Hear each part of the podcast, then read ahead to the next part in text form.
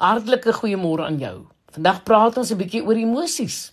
Kyk, daar is mos hoofsaaklik 3 dinge wat veroorsaak dat 'n mens emosioneel onstabiel raak. Dit is die negatiewe dinge wat ander mense ons aangedoen het, die negatiewe dinge wat ons ander aangedoen het en dan natuurlik die dinge wat ons onsself aangedoen het. Hoekom raak mense emosies verward? Jong, daar is verskeie redes. Dit kan wees omdat jou man jou verlaat het of jy is fisiek, verbaal, seksueel of emosioneel geboelie en misbruik. Of nog verder, dalk is jy met 'n terminale siekte gediagnoseer. Moontlik het jy geldelike verliese gely. Jy's onregverdig behandel of vals beskuldig. Miskien is jy onbillik ontslaan. Nou om watter redes kan jy tog nog dink? Mense vertel dalk vir jou leuns en versprei leuns oor jou. Jy was moontlik die oorsaak van iemand anders se pyn. Jy het geliefdes in 'n sinnelose motorongeluk verloor. So kan ons voortgaan. Dis wanneer ons emosies oor ons beheer neem wat ons beheer oor die lewe verloor. Dit was die geval met die eerste mense in die tuin van Eden en tot vandag ly ons aan die gevolge van hulle ongehoorsaamheid.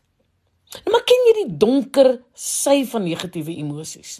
Jong, daar is soveel donker emosies. Dink aan haat, bitterheid, jaloesie, wrokkigheid en afguns.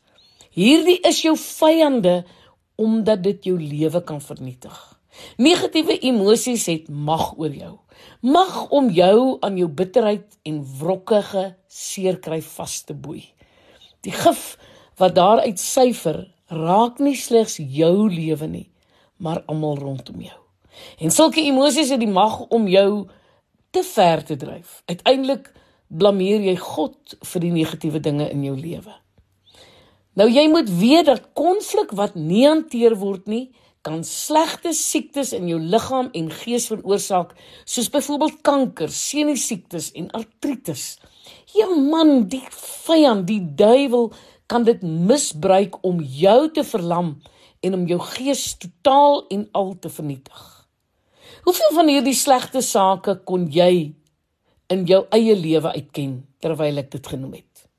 Pyn wat jy nie verwerk het nie, is soos 'n gewonde leeu want dit kan jou lewe bedreig. Pyn wat bly vassteek, kan jou lelik laat vasdraai. Daarom moet jy uiters versigtig wees vir ongesonde emosies. Dit skuif jou gedagtes op gevaarlike syspore. Ek wil hê jy moet vandag 'n besluit neem wat jou lewe kan red. Laat hierdie dinge net gaan. Die heel beste wat jy kan doen met pyn wat nog bly vassteek is om dit oor te gee in God se hande. Net God, deur sy gees, kan gewonde emosies genees. Daar is vir my 'n treffende skrifgedeelte wat dit onderstreep. Ons is nie alleen nie. Die Gees staan ons ook in ons swakheid by. Ons weet nie wat en hoe ons behoort te bid nie, maar die Gees self pleit vir ons met versigtings wat nie met woorde gesê word nie. Romeine 8:26. 'n Voorbeeld is wanneer jy begin rou. Die oomblik wanneer iemand na aan jou sterf verander jou lewe. Jy volg 'n stuk lewensreis wat met baie donker kolle gemerk is.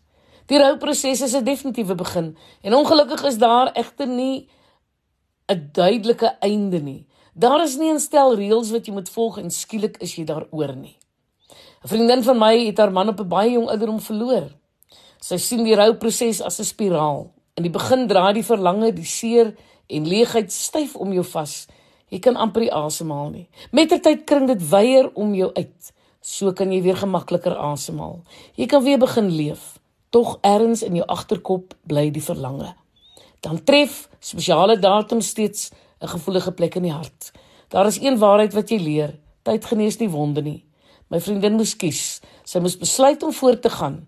Sy het dit so aan my gedeel. Ek het eendag gesit en gedink, as ek nou doodgaan en ek sien hom weer in die hemel, wat sal hy wil hoor? Vir haar was die antwoord eenvoudig. Hy het my liefgehad. Hy sou nie wou hê dat ek ongelukkig en depressief moes wees nie. Toe kies ek om voort te gaan. Maklik was dit verseker nie. Sy sal dit ook erken. Daar is dae wanneer dinge nie maklik is nie. Tog maak sy elke dag die bewuste keuse om dankbaar te wees en te leef. Maak jy ook hierdie keuse in jou lewe. Ek is Lenet Beer vir Radio Kansel.